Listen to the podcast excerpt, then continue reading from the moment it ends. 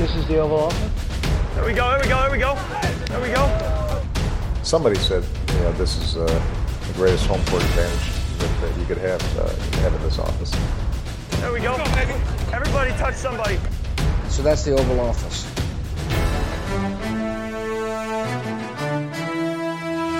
Hej og velkommen til Det Ovale Kontor. Jeg hedder Mathias Sørensen, og jeg er taget til Atlanta for at se Super Bowl 53 mellem New England Patriots og Los Angeles Rams.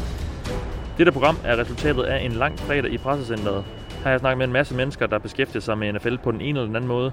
Så det er altså både nuværende og tidligere spillere, samt journalister, der dækker ligaen, vi skal høre fra her. Den første, der er på banen, det er manden med guldjakken, den danske Hall of Famer Morten Andersen. Han er her til Super Bowl i Atlanta på hjemmebane. Andersen bor nemlig i byen, og det øh, blev ligesom indgangsvinklen til min snak med, med den danske kicker. Det er godt. Hej, Morten Andersen. Hej. Øhm, Ja, Super Bowl i Atlanta, din hjemby. det er dejligt. Det er rimelig vildt, er det ikke det?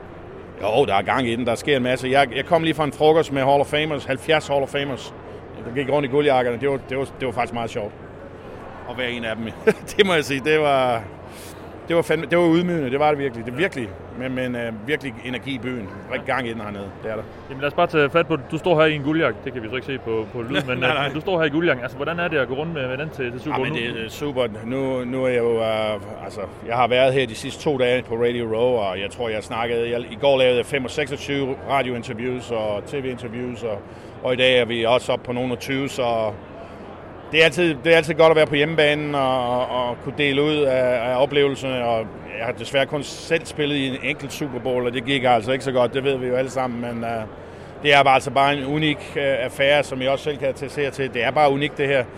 Uh, største kamp uh, på året, og jamen, uh, glæder mig til at se. Altså, jeg har lige været sammen med Robert Kraft, som er ejer af New England Patriots. Og, altså otte gange i træk AFC-finalen.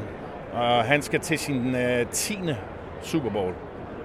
Uh, Brady skal til sin 9. eller 10. Super Bowl også. Jamen, det er jo vanvittigt altså, at tænke på, uh, at, at, de, de, at Belichick, Kraft og Brady har været i stand til at have så meget succes over årene. Det er, det, er- det er vildt. Hey buddy. Du, øh, du har guldjakken på nu. Jeg går ud fra, at du også har været her, inden du blev Hall of Famer. Øh, Ja. kan, du, kan du mærke en forskel, øh, Ja, når du, det kan man. Med, med jakken? Det her? åbner døre. Det åbner døre. Ja. Hvad er det for nogle Det døre? giver respekt. Jamen, det giver bare respekt, altså man kan... Det, det er svært at forklare, men altså, det er bare, folk lægger mærke til guldjakken. Det gør de. Det er jo ikke... Så der, er ikke, der er jo kun øh, 180 på den her jord, der lever, der går rundt i en guldjakke. Det, så det er ikke hver dag, du ser den. Så når du ser den, så... så åh, hvad er det? der? Den der, den kender jeg godt, ikke? Hvad tænker du ellers om, om hele det her show, som der jo nærmest er herinde med tidligere og nuværende stjerner, der er Det samlet? er fedt. Det, er- det er jo bare kollegaer, man kan gå rundt og, og hygge sig med og sige hej til. Og mange, man har ikke har set i lang tid, men alligevel, som man har enten spillet med, jeg har næsten spillet med eller mod alle, ikke? fordi jeg har spillet i 25 år, så det er bare, det er bare en fed reunion at, at være herinde og, og se alle de gutterne. Ikke? Også, jeg løber lige en gammel kollega fra, fra Kansas City, og jamen, nogle træner, og det kan være hvad som helst. Altså, det er, det er bare en lille fraternity, et lille broderskab, ikke også? Og det er meget, meget unikt at, have haft det privilegium at, at være en del af det i så mange år. Det, det må jeg sige, det er, det er, jeg sgu, øh, det er jeg glad for, at have fået den oplevelse. Og stadion, det nye stadion, jeg går også ud fra, at, øh, at du har været på besøg derinde øh, en, gang eller to, eller er for lidt søren. Det er for søren. Hvad er det for et øh, stadion, du skal spille Ja, på masser af, naturlige, masser af naturligt lys, øh, go, gode sidelines over det hele. Så du, du, kan ikke, du sidder faktisk ikke dårligt derinde. Der er ikke noget, der, der, der generer. Altså, det er virkelig et smukt stadion indvendigt, og øh, masser, like, som jeg ser, masser af naturligt lys. Og øh, hurtigt at komme ind og ud af. Øh, overhovedet ingen problemer der. Så, og så er concessions, altså mad og drikke derinde, det er billigt. Det er virkelig relativt billigt i forhold til andre stadions. Det har de gjort øh, med vilje, altså holdt priserne nede. Nu ved jeg så ikke i Super Bowl, om de lige giver den lidt gas opad, men øh, normalt er, er det meget rimelige priser derinde, så det hjælper også. Jeg, jeg har faktisk læst, at de vil beholde dem, holde priserne lave. Ja. Øh, hvad, hvad betyder det for, for, for en by? Fordi det tror jeg måske ikke danskerne helt forstår, men hvad, det her cirkus, der rykker ind, altså hvad, hvad, hvad betyder det for en by? Bowl øh, det, jeg ved, ikke, jeg ved ikke helt økonomisk, hvor meget det betyder, men det, er, det ved I måske bedre, end jeg gør, og har studeret de nogle, det er flere milli, millioner dollars, der ryger i, i kassen, ikke? Og jamen alle de folk, der skal sættes i gang også, der, der, der, der, der bliver aktiveret, øh, på kryds og tværs. Altså, det er jo helt utroligt. Jeg, kan bare, jeg går rundt herinde i 8 timer i går og i, og i dag. Jeg har fire handlers med, bare fire mand. Deres job, det er at kigge efter mig.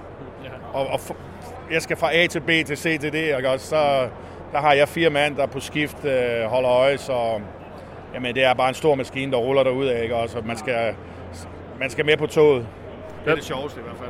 Hvad blev du spurgt om til de her 26 interviews, du lavede i går? Altså, hvad, hvad, hvad, hvad handlede det om? Det Jamen, være... Øh, meget af det har været faktisk om, øh, om min rejse fra Danmark som, som, øh, ja, som, som fremmed spiller, altså øh, fra, fra et fremmed land, og hvordan jeg i det hele taget landede i, i den her sport, og hvordan jeg havde succes, og hvad det krævede, og de oplevelser tidligt i livet, som definerede øh, min rejse, og som nu er så blevet, øh, kan man sige, kombineret med, øh, med optagelse Pro Football Hall of Fame. Den synes jeg, at mange synes er spændende, fordi den er unik. Jeg er ikke opvokset med sporten. Kom først ind som 17-årig, kendte ikke noget til sporten. Men alligevel øh, den bevidsthed om, at øh, hvis man tror på sig selv, hvis man har viljen, øh, har arbejdsviljen, har lidt talent, så kan man nå meget, meget langt i det her land. Det er altså bare mulighedernes land. Det er USA. Og øh, det, det synes jeg, vi har snakket en hel del om. Og så selvfølgelig nogle røverhistorier, ja, ja. hister her fra omklædningsrummet og fra de forskellige klubber osv. Jeg synes bare lige holde med høre til, øh, til kamp på søndag. Ja.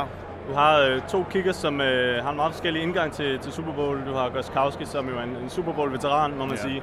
Og så øh, Greg Sørlein, som øh, står i Super Bowl for første gang, men til gengæld kan sparke virkelig langt. Det har vi set øh, mange, mange, mange eksempler på på det seneste. Ja. Hvad, hvem tænker du har øh, kickerfordringen på sådan? Jeg tror faktisk, det er 50-50 på den der. De er begge to øh, høj klasse, altså, men jeg giver helt klart nu England øh, øh, bedre mulighed for at vinde kampen på grund af Brady. Han har været der så mange gange, og holdet har været der så mange gange. Så. Det næste, I skal høre fra, er Rams-legenden Eric Dickerson. Han er også Hall of Famer, og min snak med ham handlede naturligvis primært om Rams og holdets chancer for at vinde over Patriots. Here with Rams legend Eric Dickerson, the team going to the Super Bowl this fast after the move to LA. Does that surprise you? Uh, yes, I, I, didn't see it happening this fast. Um, but you know, after his first season, Sean McVay's first season as head coach, I thought it was possible. But you know, thinking possibility and then seeing it happening is two different things. And uh, you know, when this season started and the way we started off, I was like, wow, we got a really good football team. And about week seven, eight, nine, I say, oh, we got a chance to go to the Super Bowl. And you, you, you see it as time goes along because the pieces were there, the team was playing well. I mean, they only lose three games, you know, during the regular season to good to, to good football teams, uh, and then bounce back and play well and get to the playoffs and play well in the playoffs. You know, beat Dallas at home, go to New Orleans and beat New Orleans in the NFC Championship game, and be in the Super Bowl is big. What's the keys to the Rams winning this game? Um, sound football. Just play good football. Don't turn the football over. Uh, take what they give you. Just that's, that's what they're gonna do. And you know, make big plays when we have to, but don't don't get overly anxious. I think one thing is you have to run the football. You've got to be able to run the football. Uh, they run the football well. I think we run the football better. Uh, we have a better offensive line. That's my belief. But uh, I know they have the edge of quarterback for sure. I mean, and and uh, you know with the coach. I mean, the coach has been here, and, and Tom Brady's been here. But I like our young coach a lot. I think he's uh, way ahead of his years in coaching. Uh, and our young quarterback has come along very well. He played. He, he's the reason that we're here after playing in New Orleans. So, Todd Gurley has been kind of been on the down low the last couple of weeks, and um, do you think we'll see him revitalized in this game and having a bigger role? Uh, I hope so. You know, I, you know, Todd has been, been a little hurt, but I believe like two weeks ago, you know, he just wasn't playing well. And that happens. It, it happens. You know, and, and, Coach McVay made the call. You know, to, to, to sit him for a while, uh, not, not to play the rest of the game because you know, the most important thing is not hurting your football team is to win the football game. You know, we're lucky to have uh, C.J. Anderson, and most teams don't have that luxury. So you got another guy that can come in and play just as well. You know, you go with that guy. I løbet af dagen rendte jeg også ind i NFL-insideren Albert Breer. Han dækker ligaen for Sports Illustrated, men de fleste kender ham nok for hans tid på NFL Network. Here with Albert Breer of uh, Sports Illustrated, MMQB. Albert, you covered a lot of Super Bowls now. Yeah. Anything that stood out to you this week and in Atlanta? Yeah, how, how, how, how, do you rate it? This doesn't really have like um, you know an overriding like a, like an overriding thing that everybody's latching on to. Um, but I think the game itself is going to be really really good. I think it's a compelling matchup, and uh, you know Sean McVay is the real deal, and like he is. It's it's not that's not false. It's not fake. It's not trumped up. Like he's the real deal as an offensive coach. He's the real deal as an offensive play caller. Um, and that makes you know the matchup of the Rams offense against the Patriots defense fascinating here, I think, and um, you know, and then of course like young quarterback, old quarterback. There's there's a bunch of things like that, but there isn't like the the one thing that everybody's latch, latching on to. You know, that sometimes you have in these settings. How do you see the game panning out? I I picked the Patriots. I don't feel 100% confident in it. Like I I've said 35-31. I could see the Rams really moving the ball on them, and I think this could wind up looking a little bit like last year's Super Bowl, where it's just it quickly becomes a shootout. The teams are going up and down the field, and they're hard to stop. So, um, I certainly think both quarterbacks are going to play pretty well, and I and I think that both offenses are going to create huge, huge challenges for the defenses. Right. You've covered the Patriots over the years pretty yep. pretty closely. How do they keep on doing it? I would say they, they, they, continue to evolve is a huge piece of it. Like they're continuing the continuing evolution of who they are. You know, in offense they've done a lot. Um, you know, in taking concepts from the college game, taking concepts from other NFL teams, and um, you know, on top of kind of continuing to move what they're doing forward. Um, and then in defense, it's like they flip who they are um, upside down every three or four years, you know, and they sort of change their identity based on what's in the league and I think as much as anything else, it's that they're not trying to build a super team. They're trying to build a team that can win in the league as it's currently constituted. And so they've had that, and then you know, of course, the two biggest factors in making it happen are the coach and the quarterback. Right. And for the Rams, I know you, you, you look at them. It's been two years pretty much since they moved to LA. Yep. It, has gone very fast. Is this the start of like a it feels like, like it. Or, it feels or? like it now. I mean, I think things change a little bit when they got to pay the quarterback, and uh, you know they built their team kind of top heavy right now. Uh, you're going to have to continue to draft well um, if you're going to go with that model where you're going to have guys paid at the top of the league at their positions. Aaron Donald's paid at the top of the league. Todd Gurley's paid at the top of the league. Brandin Cooks top, paid at the top of the league.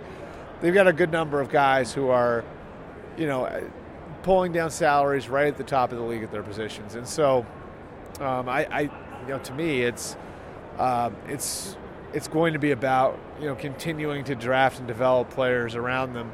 Um, you know, for a while now, for a couple years now, it's been you know guys on rookie contracts um, that are superstars that you drafted and brought into your program. And then you know you're able to kind of sign guys around them because you have all this cap space. The challenge now will be now those guys you drafted are on big deals, and so you're going to have to supplement not through big trades, not through a slew of big signings. More so, I think it's going to have to be doing a good job drafting and finding role players. Um, you know, not the, not just in the first round, but second, third, and fourth rounds of the draft. På et tidspunkt så jeg Lorenzo Alexander stå og kigge ned i sin telefon. Så jeg gik hen til Buffalo Bills-spilleren for at høre, hvordan man sacker Tom Brady. I'm here with uh, Lorenzo Alexander. Lorenzo, you've chased Tom Brady yeah. For a while. How do you get to him? Uh, the biggest thing is having great coverage on the back end. You know, maybe disrupt his initial read, whether that's Edelman or Gronk or even uh, White out of the backfield. And um, really, the best way is, is up the up the B gaps. That's where he loves to operate. Uh, so if you can beat one or two of their guards or even the center with your inside tackles, even if you don't get to him, that's the best way to be disruptive. So obviously, one of the biggest matchups uh, this game is the Rams defensive line versus the Patriots offensive line. Yeah. Two really good units. Right. Two very different units. A lot of stars on one of them, and a yeah. lot of solid, well-coached players on the other. Uh-huh. How do you see that matchup uh, panning out? You know what? Uh, it's all going to come down to the run game. I think that's really going to establish everything. And the Patriots right now are really working well together. You know, you kind of alluded to you have a whole bunch of stars and a whole bunch of guys but when uh, when you have an offensive line that is working well and operating well, passing stuff off, sometimes they can nullify stars. So for me, I have no reason to believe that uh, the Patriots O line are going to shut it down now. I think Sony Michel is going to have a solid game. But if the Rams want to win, obviously, Ndamukong Suh and um, Aaron Donald have to have big games in the middle, both shutting down the run and getting after time. Who do you see winning the game? the Patriots. Yeah, you know, yeah. as much as you know, everybody wants to see somebody else win. Uh, I think the Rams have the ability to do it. Um, it'll be interesting to see how Jared Goff does for the entirety of the game. Obviously, he's had a little bit of a struggle here of late. Maybe having two weeks off, kind of getting a fresh look at things and um, a breath of fresh air. Maybe comes out and play a solid game. But just the way Belichick game plans, taking away your number one option, Um, and the way Tom Brady, they never beat themselves. It's, it's hard to to not pick them. You know, my heart is with the Rams, but everything else is telling me the Patriots are going to win this game. Okay. And just finishing up here, what's it like being at a Super Bowl when you're not playing in it? Um, well, the festivities leading up to it are pretty cool. You know, you come down here, media row, you see a lot of guys from around the league that you played against, try to catch up to them. You know, some of the parties, the performers you get to see, uh, all that stuff is, is, is really exciting to be a part of. Um, I'm actually down here for Man of the Year as well, so uh, go to the NFL Honors tomorrow.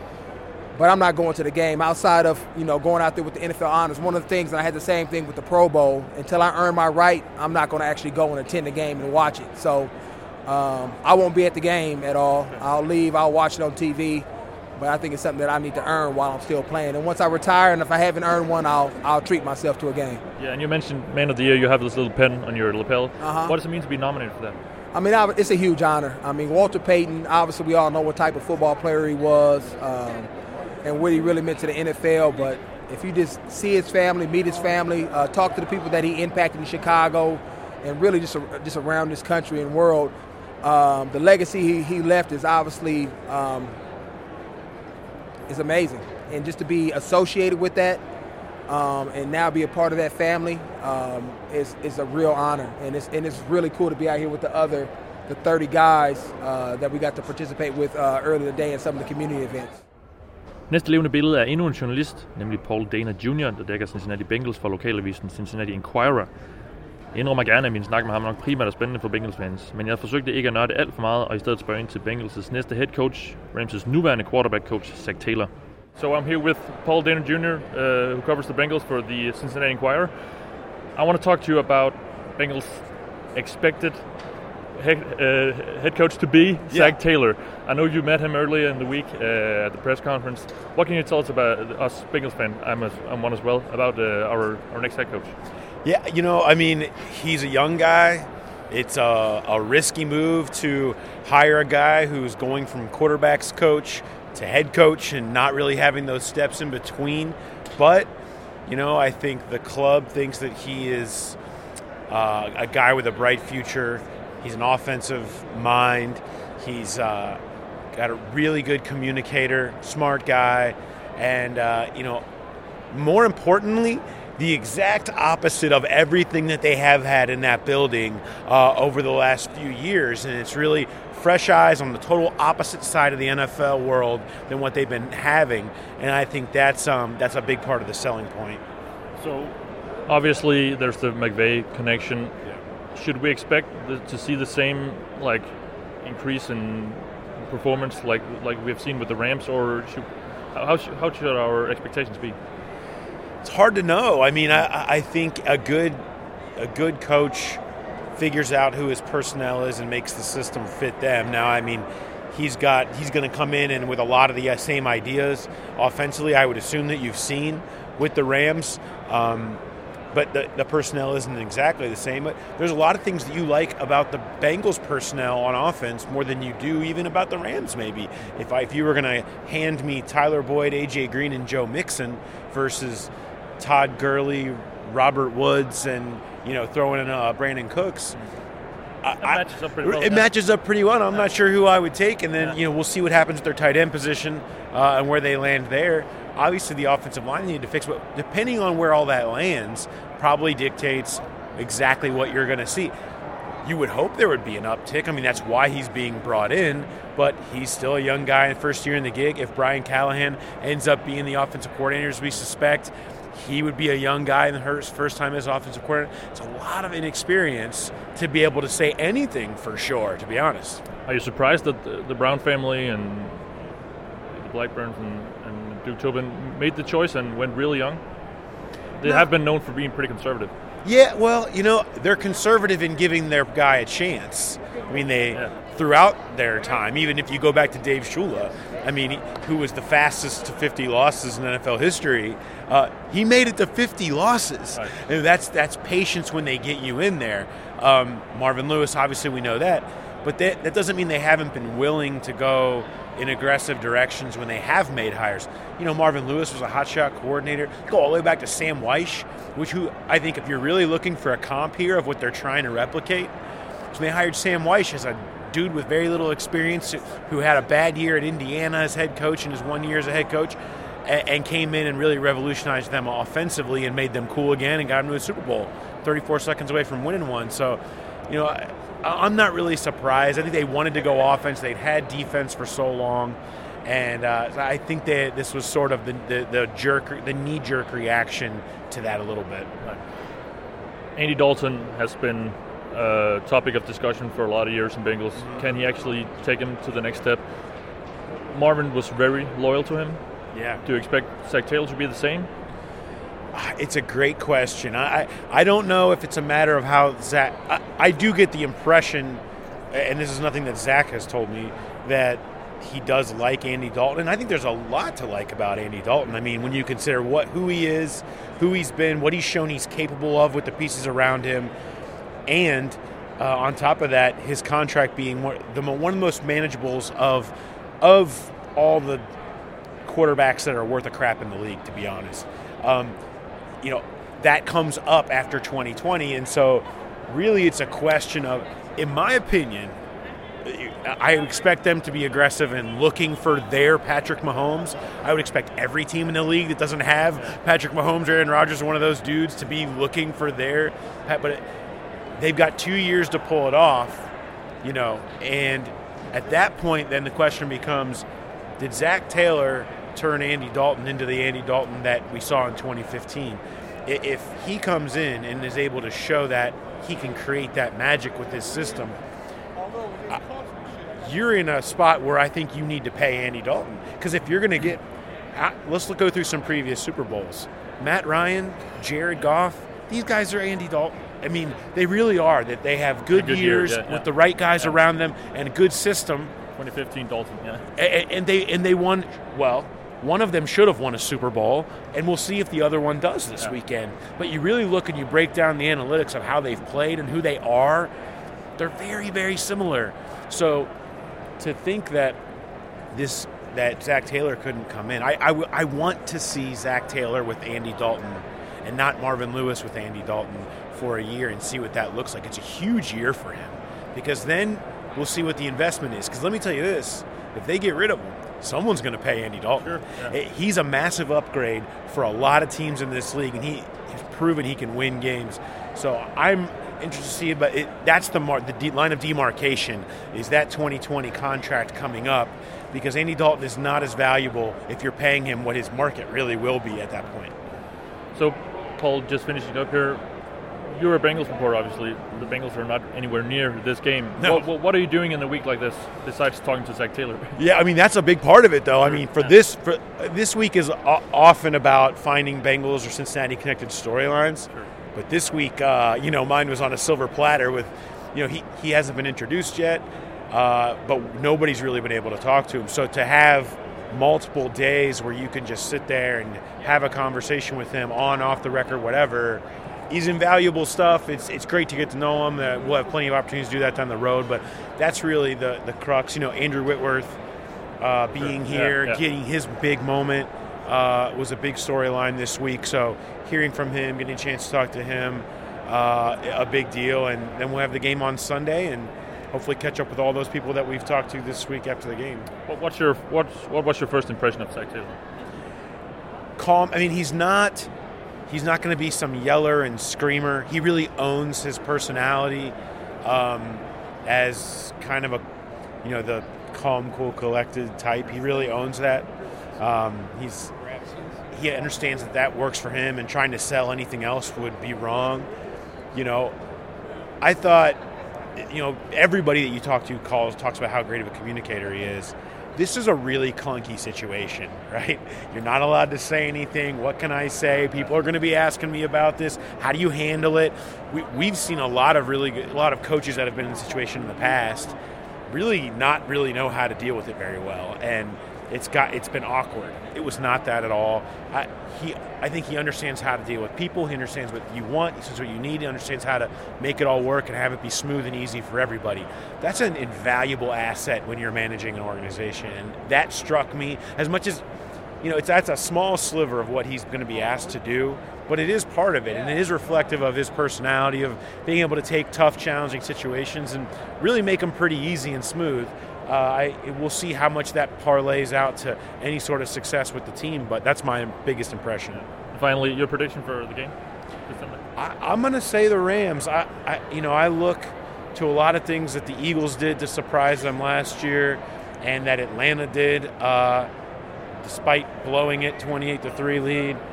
And you know, this is. I don't think this New England team is as good as those previous editions. I think Sean McVay is going to have a whole lot in store for Bill Belichick. I mean, it's the Patriots, it's Brady, it's Belichick, so you know they're going to be there. But I just like a lot of what the Rams have done, and I, I think they're going to find a way. Den sidste, vi skal høre fra, er den tidligere Indianapolis Colts-spiller Robert Mathis, der ligesom Lorenzo Alexander har jagtet Tom Brady flere gange. Mathis vandt Super Bowl 41 med Colts, og ved derfor også lidt om, hvad man går igennem som spiller i dagen op til en Super Bowl. So, Rob, Robert Mathis, what's it like being at the Super Bowl here after you played? It's uh, it's great. Uh, one, I'm from I'm from here, so it's kind of near and dear. So it's a good thing for the city, but it's it's it's a different different uh, experience because uh, as a player, you're just all about trying to get ready and win the game, and but on this side of it, you, you're trying to enjoy the festivities. Yeah. So obviously, you won it uh, a couple years ago with the Colts. What's what's the last couple of days up to the game like for a player?